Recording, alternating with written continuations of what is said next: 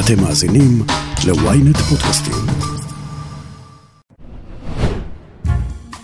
זו התוכנית ה-75 של האמת היא. השנה יציין ארגון הבריאות העולמי 75 שנים להיווסדו. יום הנישואים ה-75 כונה פעם חתונת היהלום. אין רישום סטטיסטי כמה זוגות בעולם זכו להגיע ליובל וחצי יחד. ב-26 באפריל השנה תהיה ישראל בת 75, ועל פי החלטה מהשנה שעברה, תהיה זכאית, כמו כל אזרח בן 75 ומעלה, לנסיעה חופשית באמצעות כרטיס רב-קו בתחבורה הציבורית הדלה שבנינו פה ב-75 שנה. רובנו לא ממש במצב רוח לחגוג, אז בואו נתחיל. האמת היא, עם עופר שלח. עם עופר שלח. עם עופר שלח. מנסור עבאס הוא הפוליטיקאי בעל החזון והאמיץ ביותר שנראה במחוזותינו כבר שנים רבות.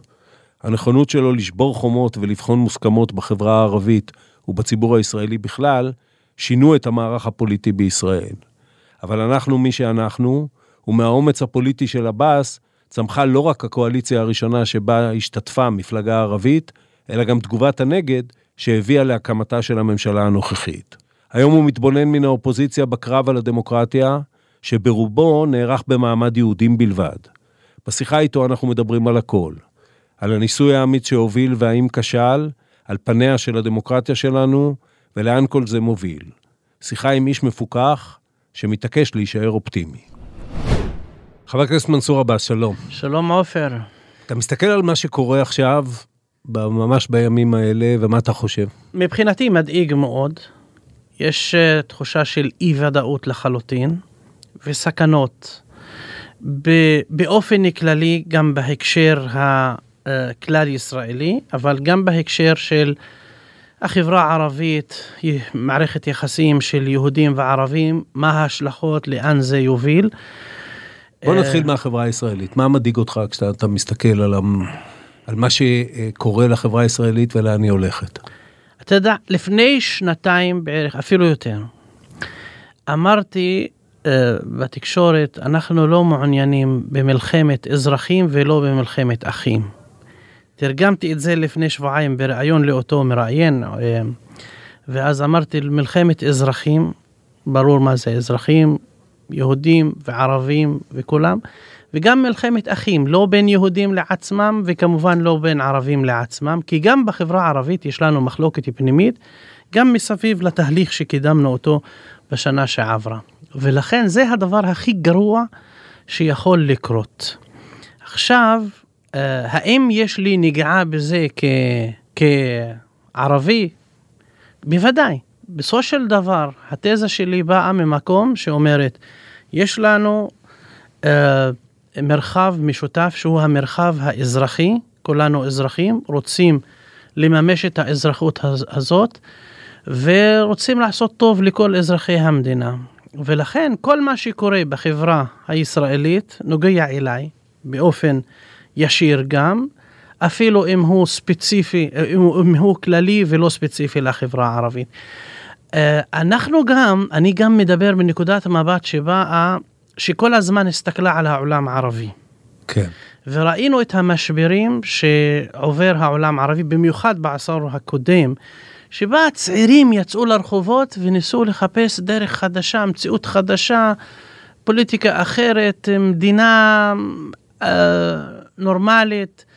אה, משטר דמוקרטי מכבד זכויות אדם, אה, הפרדת רשויות, כל המונחים האלו, שהיום הם בסימן שאלה במדינת ישראל, היו הסיסמאות והמטרות של הצעירים שיצאו לאותו אביב ערבי שהסתיים בהרס וחורבן ברוב המדינות הערביות, מצרים, תימן, סוריה, לבנון, עיראק, אה, לוב, כולם. ולכן יש הסתכלות שכן, זה... חברים, אל תלכו לשם. בוא תשמור על מה שיש ותנסה לשפר אותו, ואל... אבל יגיד לך יריב לוין או כל אחד אחר, אני בכלל לא, לא בא מהמקום הזה. הוא, הרי הטענה של, של תומכי הצעדים האלה, זה שהם בכלל מחזירים איזון דמוקרטי שהלך אה, לאיבוד. בתוך הדבר הזה, אתה כ- כאדם, אתה כמנהיג ציבור ערבי, יש לך עמדה? בוודאי. מי שחושב שאם אתה נמצא במערכת דמוקרטית, זהו אתה נמצא בחוף המבטחים, הוא טועה. דמוקרטיה יכולה להידרדר, לא לעריצות של יחיד, ויכול להיות לשם, אבל יש מה שקוראים לו עריצות הרוב. כאשר אני שומע שזכותו של הרוב לה, להחליט, להכריע. האנשים האלו מגדירים את הדמוקרטיה בחצי מהמשמעות שלה. הדמוקרטיה בסופו של דבר היא מין חוזה, הסכמה כללית רחבה מאוד בין קולקטיב מסוים, שבו אנחנו כולנו, אפילו המיעוט, אומר אני מקבל או מכבד את החלטת הרוב. אבל יש צד אחר להסכמה הזאת, שגם הרוב, כל רוב, לא חשוב עכשיו איך אתה מגדיר אותו, רוב פוליטי, רוב לאומי, רוב דתי, לא, רוב, לא חשוב, אידיאולוגי, גם הרוב מכבד את המיעוט.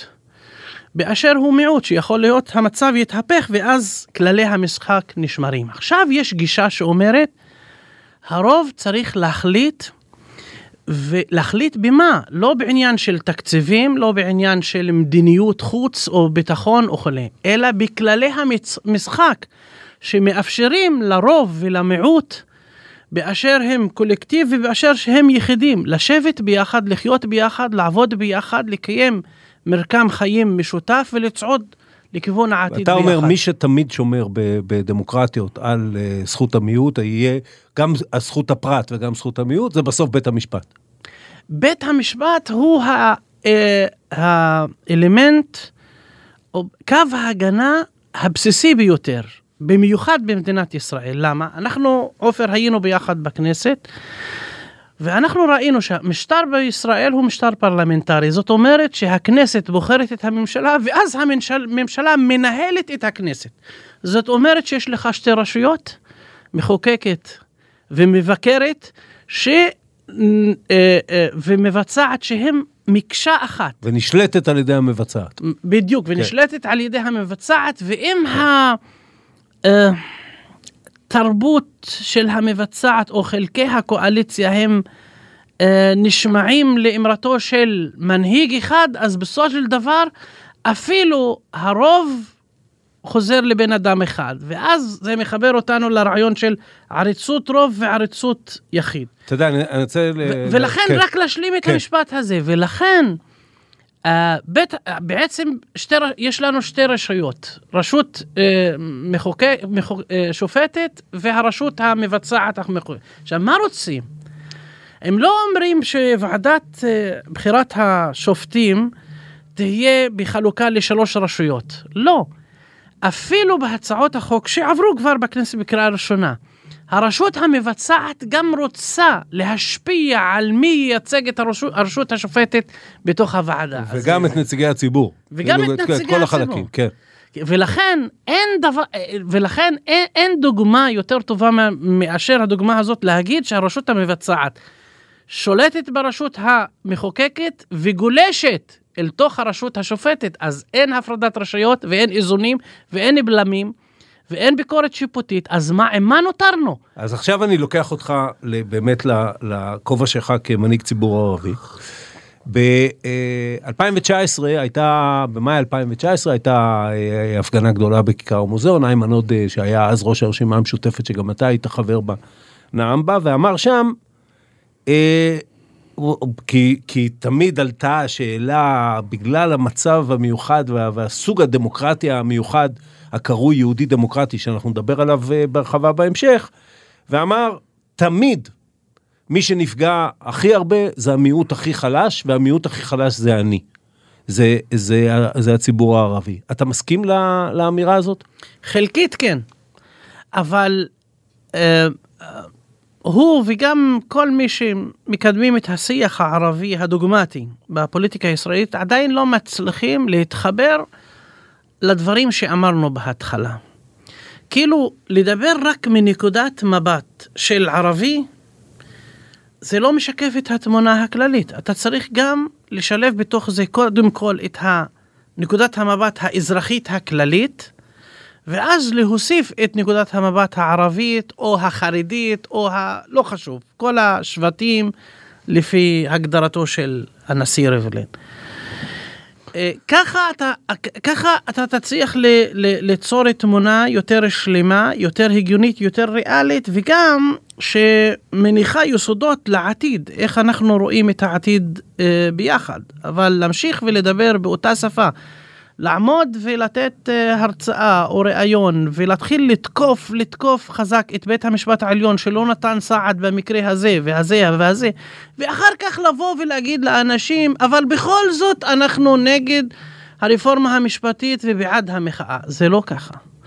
אתה צריך להפוך את הסדר ולהיות מידתי גם בביקורת שלך כלפי מערכת המשפט, ובמיוחד להסתכל לעתיד ולהגיד איך אנחנו רואים את העתיד איך אנחנו רואים את הביחד הזה, על מה מתפשרים ועל מה לא מתפשרים. אז למה לא רואים, אה, בשאלה הכי קלישאתית, למה לא רואים יותר אה, ערבים בהפגנות, יותר הפגנות בתוך המגזר הערבי, ועוד יותר מזה נציגי ציבור ערבים על הבמה? אה, אולי הסיבה היותר עמוקה מה שציירתי, אבל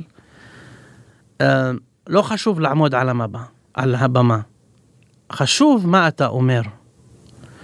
ו... לא, אבל שישמעו מה שאתה אומר, צריך לא, לעמוד על הבמה. לא, לא, אנחנו צריכים לא רק להיות צודקים, גם צריכים כן. להיות חכמים ולתת. כן.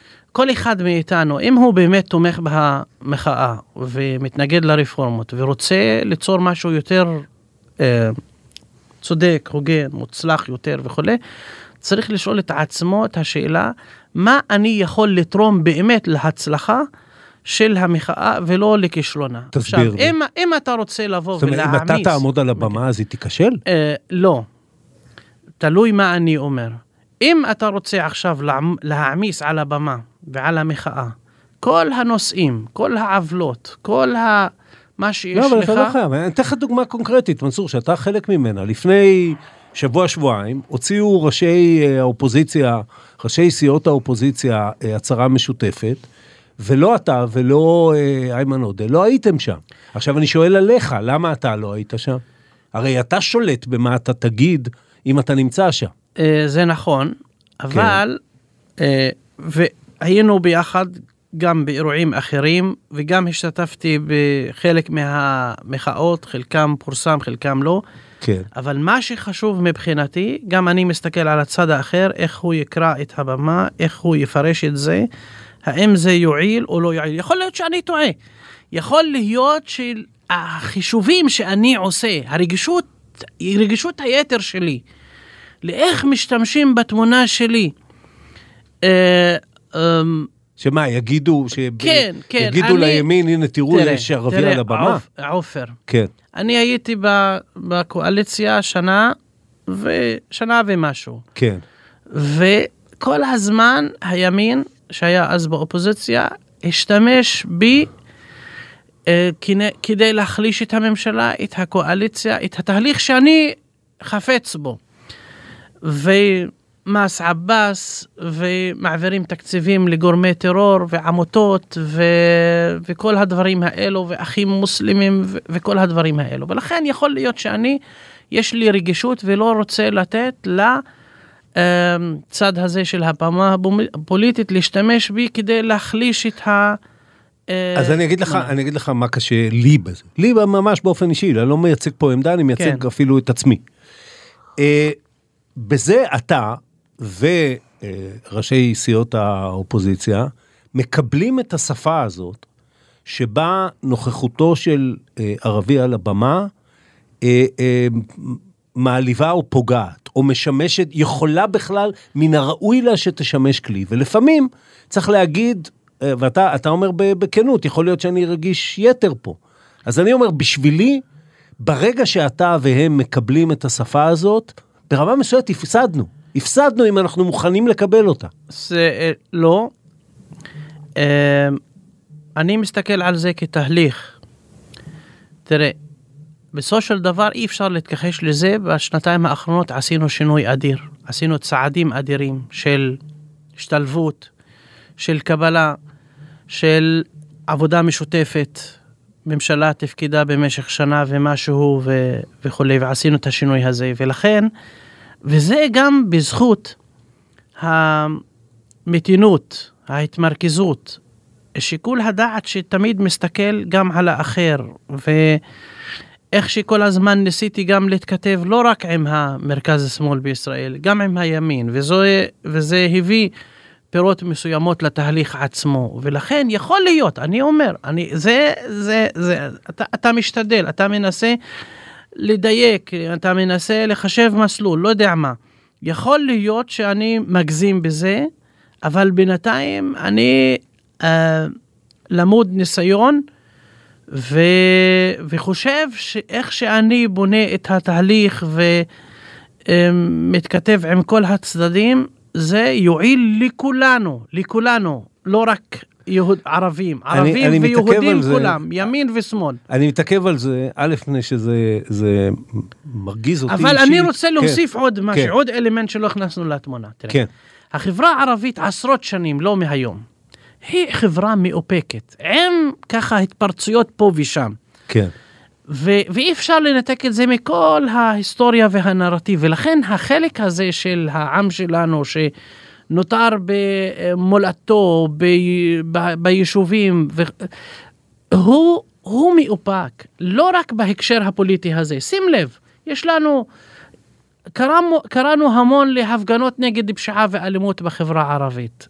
האם האנשים יצאו בהמוניהם ומילאו את הרחובות ואת ואולי אם הם הכיכרות? היו יוצאים גם היה יותר טוב אה, בהקשר של יכול הפשיעה להיות, והאלימות אבל בינתיים אתה לא יכול להצביע כאילו שהחברה הערבית היא חברה תוססת מבחינה פוליטית ורק במחאות היא לא משתתפת. לא, היא חברה מאופקת, הפוליטיקה היא פוליטיקה, אמ, בוא נקרא, ר- רגועה יותר. לא, לא עממית או פופוליסטית כזאת, השיח הזה לא, לא, לא עובד אצלנו, ולכן אני חושב ש... הרבה, הרבה ישראלים, ואולי נגיע לזה אחר כך, אני לא רוצה להפוך את זה לנושא, יגידו לך, תחשוב על מאי 21 ותשאל את עצמך אם החברה הערבית, אה, או לפחות חלקים שלה, היו מאופקים.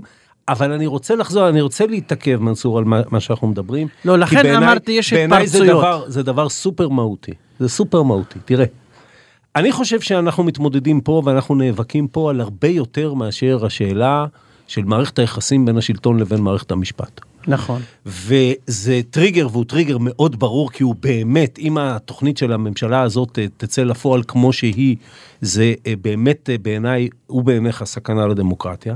אבל אם אנחנו בתוך התהליך הזה, מטעמים פרקטיים, ואתה מכיר אותי, עבדנו ביחד, הייתי פוליטיקאי די פרקטי, אני מניח שתסכים איתי.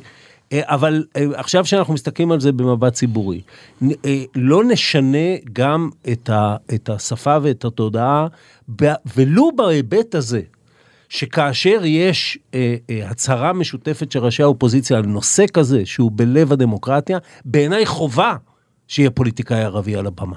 בעיניי חלק מהתבוסה זה שאין פוליטיקאי ערבי על הבמה, ופה ה, ה, ה, ה, אני מפנה שלוש אצבעות גם כמובן כלפי הציבור היהודי, אבל האם אתה, ועכשיו גם נרחיב את זה, בסוף בניסיון שלך להיות, הניסיון הנאצל, החשוב מאוד שלך, להיות פרקטי, להיות מפשר, לא ויתרת ומוותר יותר מדי בהקשרים האלה, לא בשביל לייצג איזה גאווה של פוליטיקאי ערבי, אלא בשביל לייצג תודעה שהיא צריכה להיות נכונה, ואם היא לא תהיה נכונה, גם המהפכה שלך לא תצליח.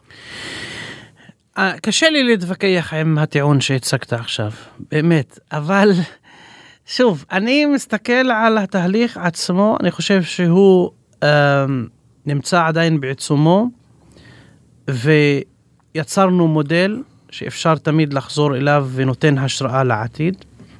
אנחנו נמצאים בתקופה גם פנימית כאן לא שקטה, גם בזירה האזורית לא שקטה. אני מסתכל בעוד חודש יהיה לנו חודש רמדאן והפסח גם. אנחנו יודעים, הזכרת את מאי 2021 ואילו אירועים חווינו. אני מסתכל על התמונה הכללית ורוצה לעבור את התקופה הזאת בשלום. Uh, שים לב שאחד הגורמים שהביאו להידרדרות המצב אז נמצא היום ממש בתפקיד מאוד מכריע ורגיש, שר לביטחון לאומי, שאז הואשם כאחד הגורמים שליבו את האווירה. ולכן זה, זהו עופר, אני, אני נמצא שם, אני נמצא מבחינת דאגה אזרחית ודאגה ל, ל, ל, ל, לכלל חלקי החברה ובמיוחד החברה הערבית נמצא שם. אה, אני גם שמרן במובן הזה ומאופק וחושב שהמחאה מרשימה מאוד. ו... אה, הוכיחה שיש, למרות תוצאות הבחירות שלכאורה אה, נתנו תקווה לחלק הזה של האזרחים, הציבור, והנה יש ממשלה נורמלית, מגוונת, אה, יצירתית וכולי, אבל באה הבחירות וחזרנו לאופוזיציה, ובכל זאת הציבור הזה שמר על לא רק קור רוח, אלא רוממות רוח, ויוצא ומפגין ומביע את עמדותיו ולא אה, נסוג אחורה. אני חושב שמן הראוי, יכול להיות, שוב, אני אמרתי לך, קשה לי להתווכח עם זה. אני חושב שהמערכת היא דינמית, יכול להיות שהעמדות שלנו יתקדמו יותר, יכול להיות שהציבור הערבי יצא קצת מהאיפוק שלו. אני להגיד לך, אני כרגע בחודש הזה צופה לעתיד הקרוב, החודש הבא. יש לנו את חודש רמדאן וכל האירועים מסביב, ואני אני חושב שמן הראוי שהחברה הערבית תביע את הדעה שלה כמה פעמים, ועדיין עכשיו אני קראתי לאזרחים הערבים להשתתף במחאות כאזרחים ערבים תחת הדגל הזה.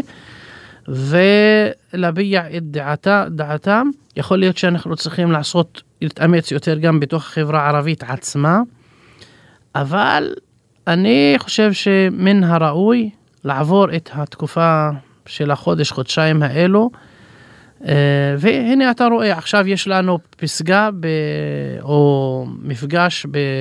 בעקבה כדי לדון איך מתכוננים לתקופה הזאת. ותאמין לי, אני יודע שיש סכנות רבות שאורבות לנו ב... אין, אין ספק, מפני שאתה יודע, כל מה שאנחנו מדברים עכשיו הוא כמובן על ערבים אזרחי ישראל, אנחנו יודעים מה קורה עכשיו ב, ב, בשטחים, ובמובן הזה אני, אני רוצה לשאול אותך, אה, הממשלה הזו, גם אם איכשהו הסערה המשפטית הזאת תשכח, ונגיד בתרחיש תיאורטי שכמובן לא יקרה, שמופיע פתאום השר לוין ומודיע שהוא מוריד את כל הצעות החוק וכן הלאה. הממשלה הזו, אם היא מוציאה את ימיה, אה, הסיכוי שאנחנו בדרך למדינה דו-לאומית הולך וגדל. אה, אנחנו רואים את המסמך שנוסח בין גלנט לסמוטריץ', אה, למעשה סמוטריץ' מקבל, אני עושה את זה מאוד פשטני, אבל מקבל את האחריות על החיים האזרחיים ביהודה ושומרון. אה, איפה צריך להיות הציבור הערבי, איפה צריכה להיות ההנהגה הערבית ביחס לאפשרות הזאת? תראה, הציבור הערבי הכריע את, בסוגיה הזאת, שהוא הגדרתו העצמאית, עצמאית, היא בתוך מדינת ישראל כאזרחים שווי זכויות, וזהו. הוא לא דורש מעבר לזה. והוא כן רוצה, לגביו, זאת ההכרעה שלו. לגבי השאלה היותר כללית, בהחלט רוב הציבור הערבי תומך בפתרון של שתי מדינות. מה, מה, מה שתי מדינות מספקות לשני הצדדים? אחד, מאפשרת לעם הפלסטיני להגדיר את עצמו במדינה עצמאית בגדה המערבית וברצועת עזה ובמזרח ירושלים, ליד מדינת ישראל, ומצד שני, למדינת ישראל לשמור על הזהות, איך שהיא אה, נולדה כמדינה יהודית ודמוקרטית. אין פתרון אחר שיכול לספק את שני היעדים של שני העמים, ושיאפשר להם לחיות ביחד. אבל אם, עכשיו, אם תהיה פה מדינה דו-לאומית, זה לא, זה לא יהיה. אני חושב שזה מסוכן לשני הצדדים, אה, ייקח אותנו למחוזות אה, מטורפים, ו, ואנחנו באמצע, החברה הערבית, שהיא מצד אחד, אנחנו, יש לנו כמה זהויות.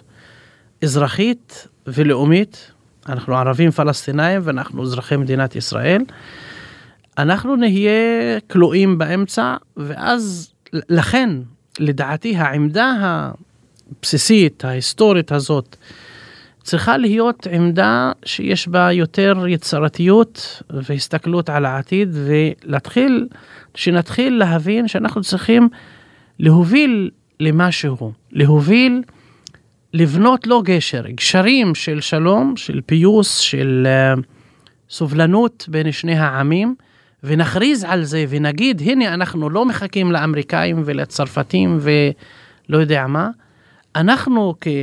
חלק כקולקטיב שנמצא במרחב הזה, בתוך, בלב הסכסוך הזה, צריכה להיות לנו אמרה בכיוון מאוד ברור וחד, שמצד אחד מכבד את זהותנו האזרחית ואת זהותנו הלאומית, ושהרוח של הדברים תהיה של שלום, של פיוס, של שותפות אה, בין שני העמים. אה, ולכן, לדעתי בעבר, גם בצל הסכמי אוסלו ומה שאחרי זה התגלגל, החברה הערבית גם בהקשר הזה הייתה מאופקת. לא אמרה אה, מילה ברורה וחד משמעית ולא תרמה בצורה... מה, אה, ת, תסביר לי לאיזה מילה ברורה וחד משמעית, לאיזה כיוון אתה היית רוצה שהיא, שהיא תגיד את זה. שהיא תנסה לשדר אה, עמדה ברורה ש, של אה, אנחנו כאן, אנחנו אזרחי מדינת ישראל, יש לזה משמעות, ואנחנו רוצים לחיות כאן בשותפות, בסובלנות, בהסתכלות לעתיד שיהיה טוב לכולם,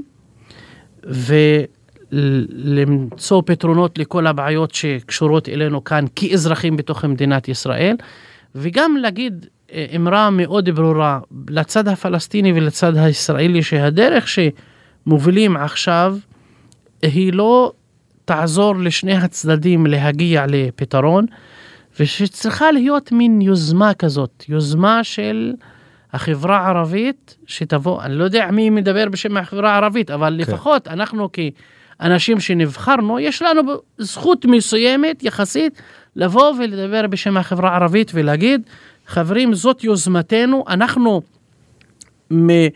מתוך המעמד המיוחד שיש לנו, ההבנה שלנו לצד היהודי-ישראלי ולצד הפלסטיני, אנחנו חושבים שהדרך היא מכאן ולתרום לזה.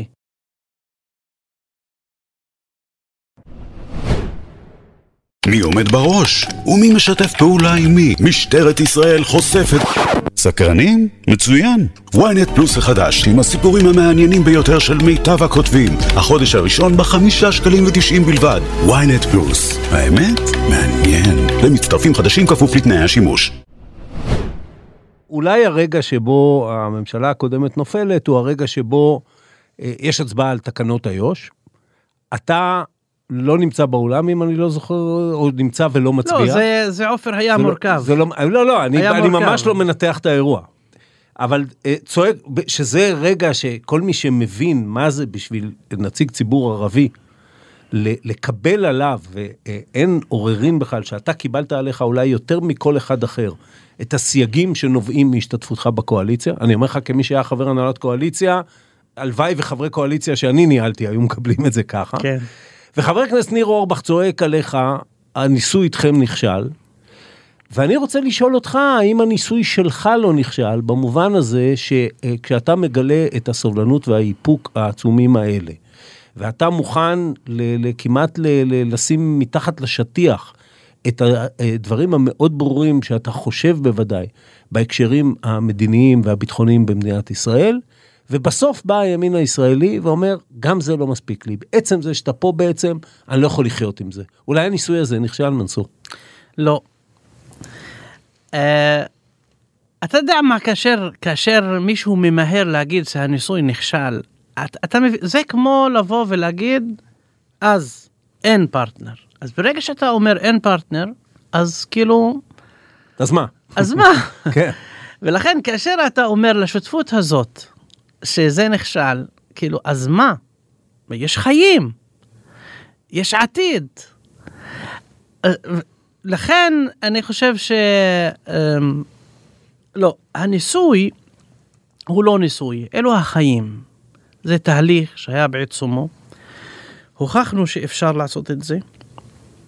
תרומתו של התהליך הזה לא רק להביא מפלגה ערבית עם מפלגה יהודית ביחד בקואליציה, אלא גם הנוכחות של רע"מ בקואליציה אפשרה את הנוכחות גם של ימינה וגם של מרץ ביחד. ואתה יודע, עופר, שללא החיבור הזה, שאתה מביא את המפלגה שנמצאת הכי בקצה, מחוץ לימין אה, ושמאל ציוני, ולוקח אותה, אה, אה, אותה כשותפה איתך, זה גם מקרב בין ימין ושמאל בוא לא, במדינת בוא ישראל. לא ניתמם. אה, מה שהביא אותם ביחד זה רק לא ביבי. זה הדבר היחיד. תאמין לי, 20 מנדטים עופר, בממשלה הזו היו סכסוכים אישיים של בנימין נתניהו. עופר, שאגב, היו מוכנים לקבל אותך רק אחרי שבנימין נתניהו היה מוכן לקבל אותך, שהרי אתה ואני יודעים, היינו בחדר, כשגוף אחר שקראו לו כחול לבן, לא היה מוכן לקבל אה, אתכם כשותפים, גם אחרי בחירות 2 וגם אחרי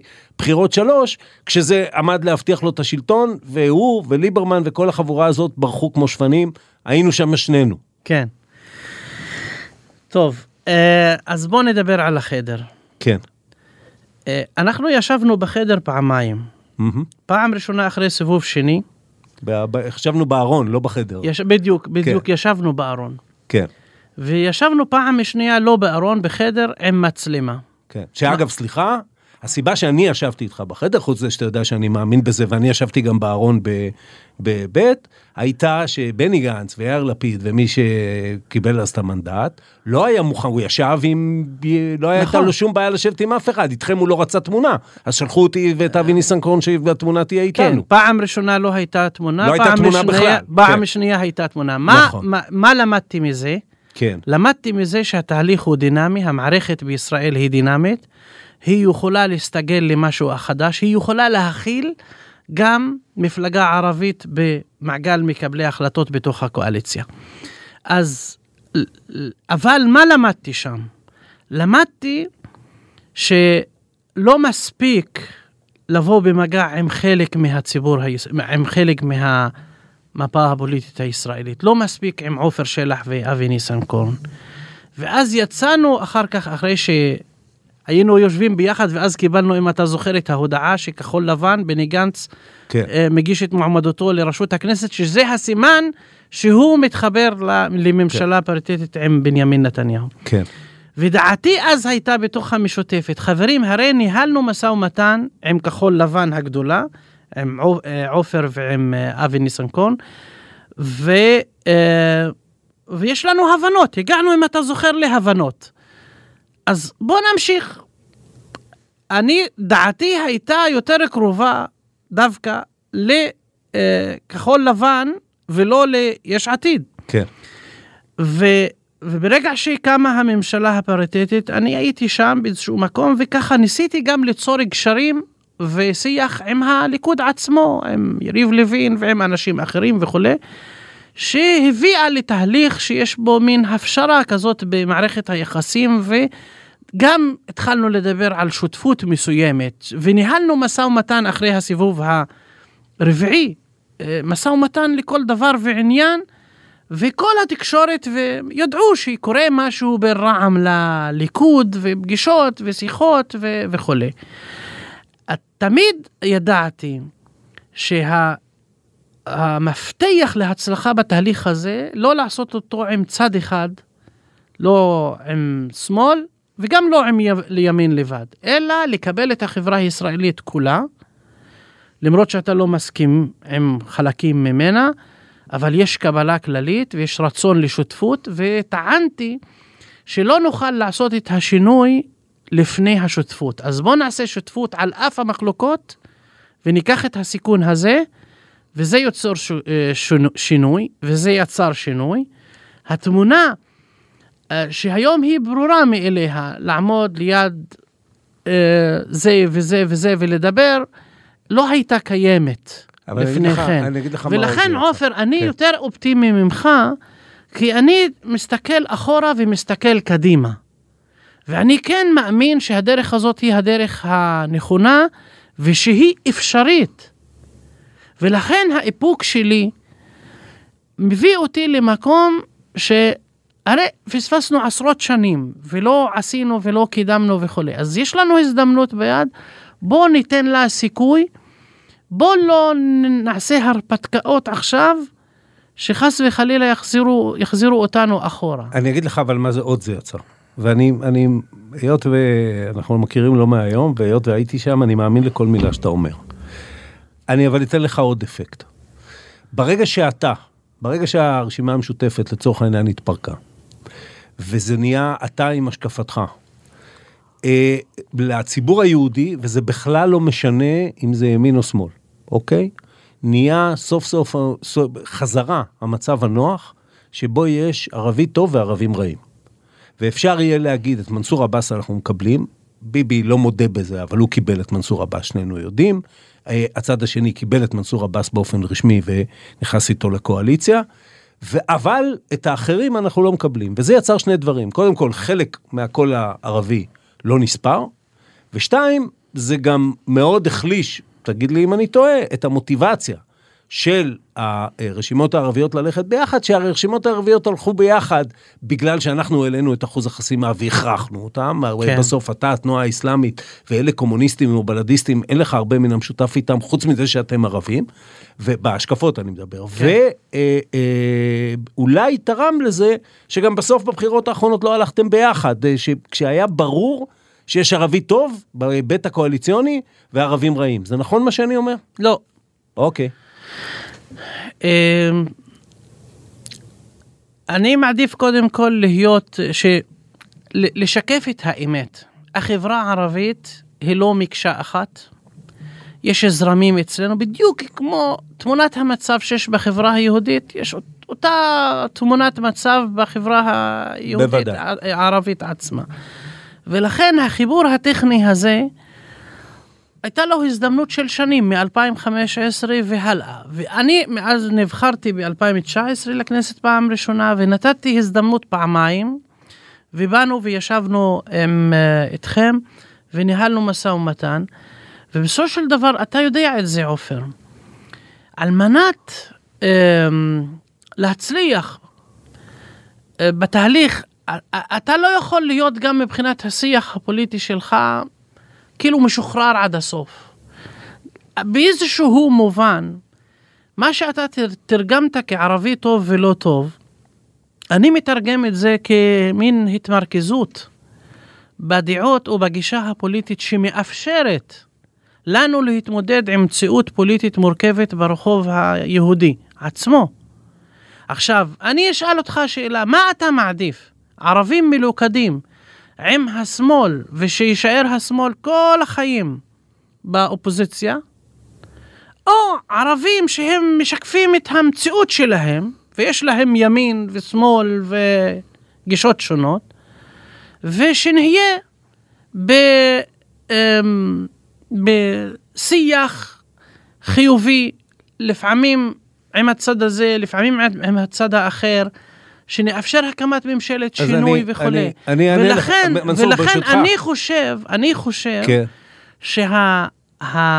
שהפלטפורמה שה, הראויה, לא לשים את כל הערבים כמקשה אחת, וגם הביטוי הזה של, הרי אתה יודע, משתמשים בביטוי הזה נגדי כערבי טוב וערבי לא טוב. אני לא מתרגש מזה. כי אם אני רוצה, אני אם אני רוצה לממש את האזרחות שלי ולהיות מסביב לשולחן עם עופר שלח ועם יואב קיש ועם אה, שמחה רוטמן, זה לא עושה אותי ערבי טוב בעיניים של היהודים. אני כאן בא מאתגר אותם, אני מאתגר את המערכת הפוליטית בצד הימיני שלה ו- ולא רק בצד השמאלי. אני, אה, אענה לך ברשותך כדי לקדם את הדיון. קודם כל, אה, אה, שנינו יודעים שההסכם, אחרי בחירות ג', ההסכם הלא כתוב ולא, אבל העקרונות שהגענו אליהם בפגישות שלנו אז, הם מאוד מאוד דומים לאלה שאתה הגעת בסופו של דבר עם אה, נפתלי בנט ויאיר לפיד אחרי בחירות ד'. מאוד דומים. נכון. כולל היעדרו מהטיוטה של למשל הנושא הפלסטיני. נכון. ו, אה, אבל עמד מאחורי זה כוח של 15 מנדטים. כי מה שקורה במה שאתה אומר, ה, אה, אה, אתה חושב כמו שאתה חושב וזה זה, אה, מכובד לגמרי, לא כולם חושבים כמוך, ואני אגיד לך בעד מה אני. אני בעד שכל קול יהיה לגיטימי, אגב, אני מסכים איתך, גם קולו של הימין הקיצוני, יהיה לגיטימי, בהינתן שהאג'נדה, היא, בסוף אנחנו מסכימים על אג'נדה. הבעיה של הפוליטיקה הישראלית שכבר ארבע שנים היא מסתובבת על בן אדם ולא על אג'נדה, ועל בן אדם אפילו אי אפשר להתפשר, אי אפשר להיות מתון, או שאתה איתו או שאתה לא איתו, על זה קמו ונפלו ממשלות במדינת ישראל, על זה הלכנו לחמישה סיבובי בחירות. אבל אני אה, אה, שואל אותך עכשיו כ- כנציג ציבור ערבי, האם אתה בעמדה הזאת שלך לא קובע שמספרית הציבור הערבי אף פעם לא יבוא לידי ביטוי מלא, ו- ולכן גם לא יוכל לממש את הזכויות שאתה מדבר עליהן. שים לב למה אמרת מספרית. כן. אני במקום הניסוי של מספרית, אני רוצה שהתודעה הפוליטית והאזרחית של הציבור הערבי תגיע למצב שבו היא לא תתנהג בבחירות כתופעת העדר.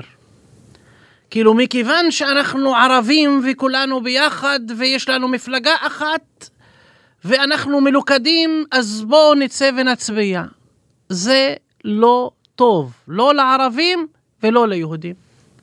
אני רוצה שהאזרח הערבי תהיה לו תודעה פוליטית אה, עמוקה, אה, משכילה, תודעה של מה זה אזרחות, מה זה לממש את האזרחות ולאתגר את המערכת ולצאת להצביע בהתאם להשקפת העולם שלו ובהתאם למה שהוא חושב מה יכול לשרת אותו. ולא רק. אבל מה שישרת אותו זה ולא רק כוח. גם תופעה. הליכוד, גם הליכוד הוא ולא לא... רק תופעה. גם הליכוד הוא לא מקשה אחת, וגם מפלגת העבודה כשהיא הייתה נכון, מפלגת שלטון נכון. לא הייתה מקשה אחת. אבל- אבל מה עופר- שישרת אותו זה כוח, אתה הראת בסדר, את זה. אבל כוח הוא לא רק מספרים, כוח כן. זה אג'נדה. כוח אוקיי. זאת גישה שיש לה מקום במגרש הפוליטי הישראלי. כאילו, אני לא יכול להתנתק מהמציאות ומה יכול להתקבל ומה לא יכול להתקבל. נכון, עופר, אני מודה. חלק מהעמדות שאני מבטא הן מותאמות.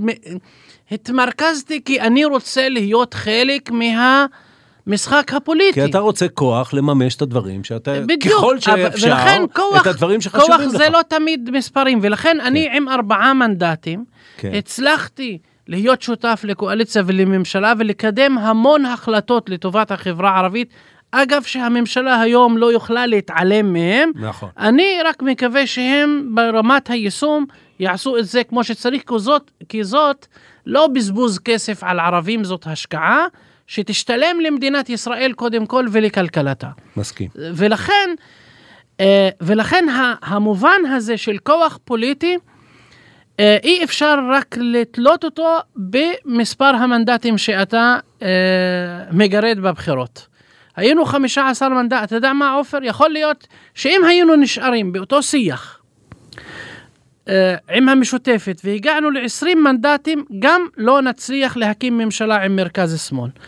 ואתה היית ב, ב, בתוך המהלך הזה, ניהלנו משא ומתן, ומי שהכשיל את המהלך, אה, אתה יודע מי, ו, ו, ואז לא היה את האומץ ואת הקול הזה הרם לבוא ולהגיד שחברים שזה לגיטימי. עד שמנסור עבאס הלך לימין, עשה מה שעשה, ניהל גם משא ומתן שם, ואני הייתי כן, הנה אני אומר לך, אם בנימין נתניהו הצליח להקים ממשלה והיה צריך אותי יחד איתו בקואליציה, אני, אני מלכתחילה לא דיברתי על להיות חבר ממשלה, אלא חבר קואליציה. כן. הייתי עושה את זה.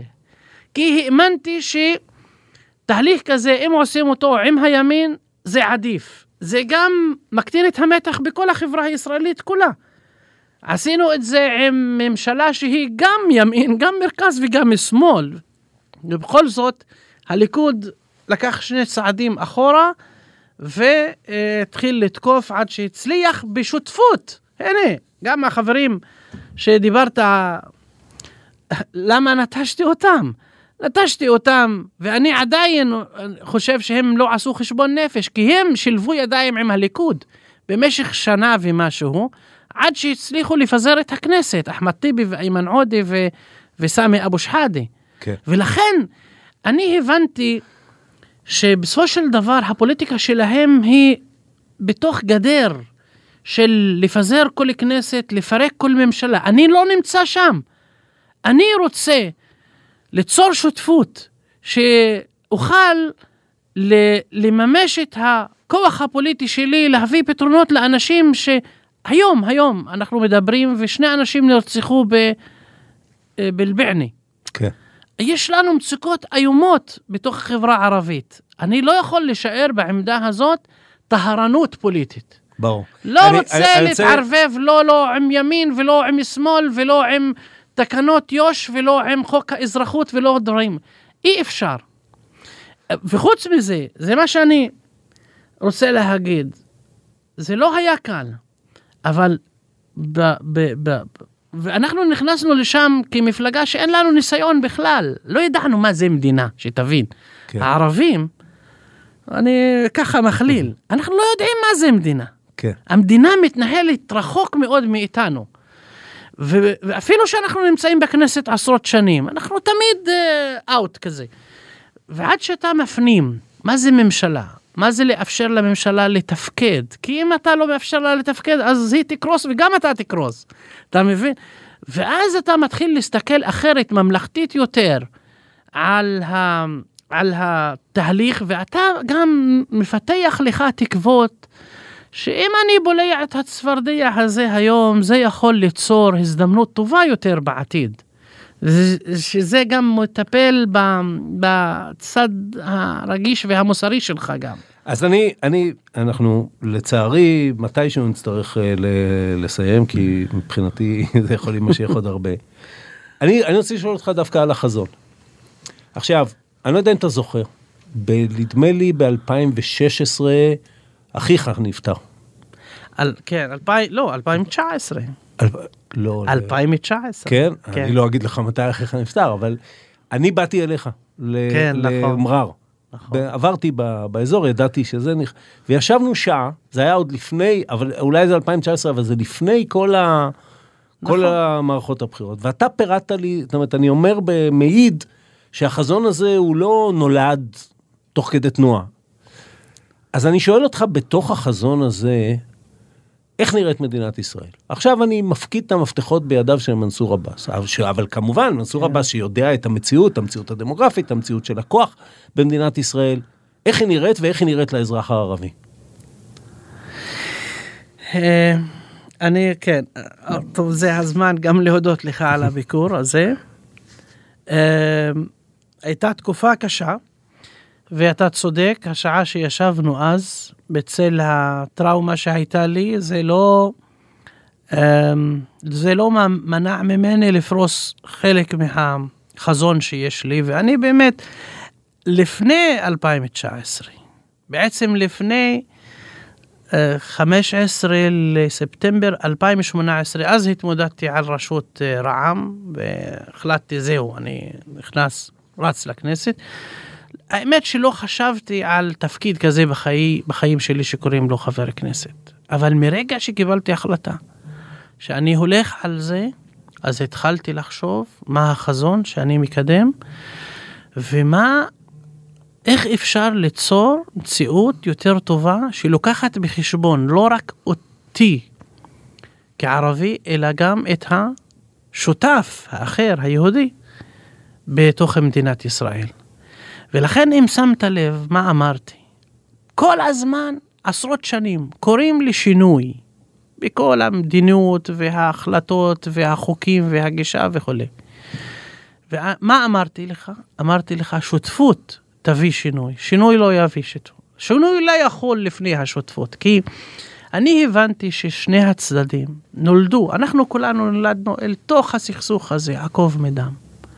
וכל אחד יש לו נרטיב, ומסתכל, בדרך כלל מסתכלים לעבר. כי קל יותר לפתח רגשות של פחד ושל חש, חשדנות. ושל הצדקה עצמית. ב- בוודאי, כל אחד יש לו... כל הזמן שואלים אותי, לא רק בעברית, אתה מאמין להם? לא, אבל הם כ... אני לקחתי את הדברים אחו, אה, בגישה אחרת לגמרי. אני מסתכל לעתיד. ואז שואל אותי, לאן אני רוצה להגיע? ואז הגיתי את החזון הזה שהוא היה מין פשוט כזה. התחיל עם אה, ביטוי אחד, ואז שני ביטויים, ושלושה וארבעה. ואז אמרתי, החזון שלי זה שלום, ביטחון, שותפות וסובלנות. ומסביב לכל המילים האלו התחלתי ככה לי, לתהלך, לתכנן את המהלכים שלי בפוליטיקה. תן לי את זה. הר- שהרי גם אני כיהודי, נולדתי לתוך המתח הזה שנקרא יהודית ודמוקרטית. ויהודית ודמוקרטית הרי יבוא בן אדם, אני לא יודע מה, ממערב אירופה, יגיד מה זה יהודית ודמוקרטית? זה סתירה על פניה, כן? אבל אנחנו שנולדנו פה, כמו שאתה אומר, שאנחנו מהמקום הזה ואנחנו גדלנו בתוכו, יודעים שזה לא בהכרח סתירה, זה מתח. זה מתח שצריך לחיות בין הקצוות שלו. איפה אנחנו צריכים להיות בין הקצוות שלו? יש לי הצעה כזאת. כן. הנושא של יהודית, אני כבר התבטאתי בנושא הזה וחטפתי על הראש. אני רוצה להשלים את התמונה ברשותך. אז שאמרתי בכנס, היא נולדה כמדינה יהודית והיא תישאר כמדינה יהודית. ההשלמה שצריכה לבוא, האתגר היום בפני מדינת ישראל של העתיד, לא הזהות, ה... היא יכולה להבטיח את הזהות היהודית שלה מצעד אחד, להיפרד מהפלסטינים. כן. זה מה שיכול לעזור לה. אחרת תהיה כאן קומבינה של משטר ועוד משטר ושיטת אה, אה, חקיקה, זה, זה משהו אחר. אז מה שיבטיח את הזהות, יבטיח ב... לא מכוח ה... אה. הכוח הצבאי כן. והיכולת לשלוט, אלא מכוח ה... הערכים הדמוקרטיים. מה שיבטיח את הזהות היהודית זה להיפרד מהפלסטינים, ואז זה ישכין את השלום ויביא את הביטחון. עכשיו, הצד השני של הנושא הזה, בעצם האתגר בפני מדינת ישראל כיהודית ודמוקרטית, הוא אה, אה, מה מעמדם של הלא יהודים, קרי הערבים, במדינת ישראל. והאם הרוב היהודי יצליח לתת מענה לשאלה הזאת, שיוכל אחר כך לבוא ולטעון את הטענה הזאת. הנה, אנחנו מצאנו את האיזון הנכון בין היותנו מדינה יהודית להיותנו וזה מדינה מה, דמוקרטית. מעבר לזכויות הפרט, מעבר לזה שילד, תלמיד ערבי צריך לקבל תקציב דומה לזה של uh, תלמיד יהודי, ומעבר לזה ש... עופר, אה, עופר, כן. עופר, זה מה שאני מנסה uh, לומר לך. אני, אני, אני הקלתי על התשובה uh, שצריכים להתמודד איתה בהקשר הזה. כאשר אמרתי שאנחנו, האזרחים הערבים, אזרחי מדינת ישראל, הגדרנו את עצמנו. ההגדרה העצמית שלנו זה בתוך האזרחות הישראלית, לא בדלנות ולא שום דבר. אז מה יכול, דמיין לעצמך מה יכול להיות בתוך ה, אה, ה, המשוואה שאנחנו ניצור. אין ספק שהאלמנט ה, שמאפשר לנו להצליח בנושא הזה זה כב, כאילו השלמה עם האזרחות, ושהיא הגדרתנו העצמית, ומצד שני, אה, הקמת מדינה פלסטינית שתחיה בשלום, בביטחון, בשותפות וגם בסובלנות עם מדינת ישראל, ושני עמים יתערבבו ביחד, שתבין. אלו שתי מדינות עם גבולות פתוחים וכולי וכולי. כאילו, אם אנחנו מסתכלים על החזון, הפתרון הוא ממש בהישג יד וקל. למה? כי יש לנו חזון, או יש לנו יעד שם אנחנו מגיעים אליו. עכשיו, מי שאין לו את החזון הזה, ואין לו את האמון שאפשר לעשות את זה, כמובן החשדנות והפחד והעבר ינתבו אותו למחוזות אחרים, ירצה להכריע פה צבאית, רוצה להכריע כאן בשיטות אחרות ו- וכולי. ואז המצב יהיה יותר ויותר מורכב, ולכן אני מטבעי אופטימי, זה כמעט עמדה אידיאולוגית, לא, מה זה אידיאולוגית? אמונתית מבחינתי. ושתבין, אני לא... אני, מהיום הראשון שנכנסתי לכנס, לכנסת עד היום, הפן הדתי האמונתי אצלי רק מתחזק. אני עכשיו בדרך מ- מהיישוב שלי לכאן, כל הזמן באוטו לומד. לומד בקוראן, כמו שהחברים שלך לומדים בתורה.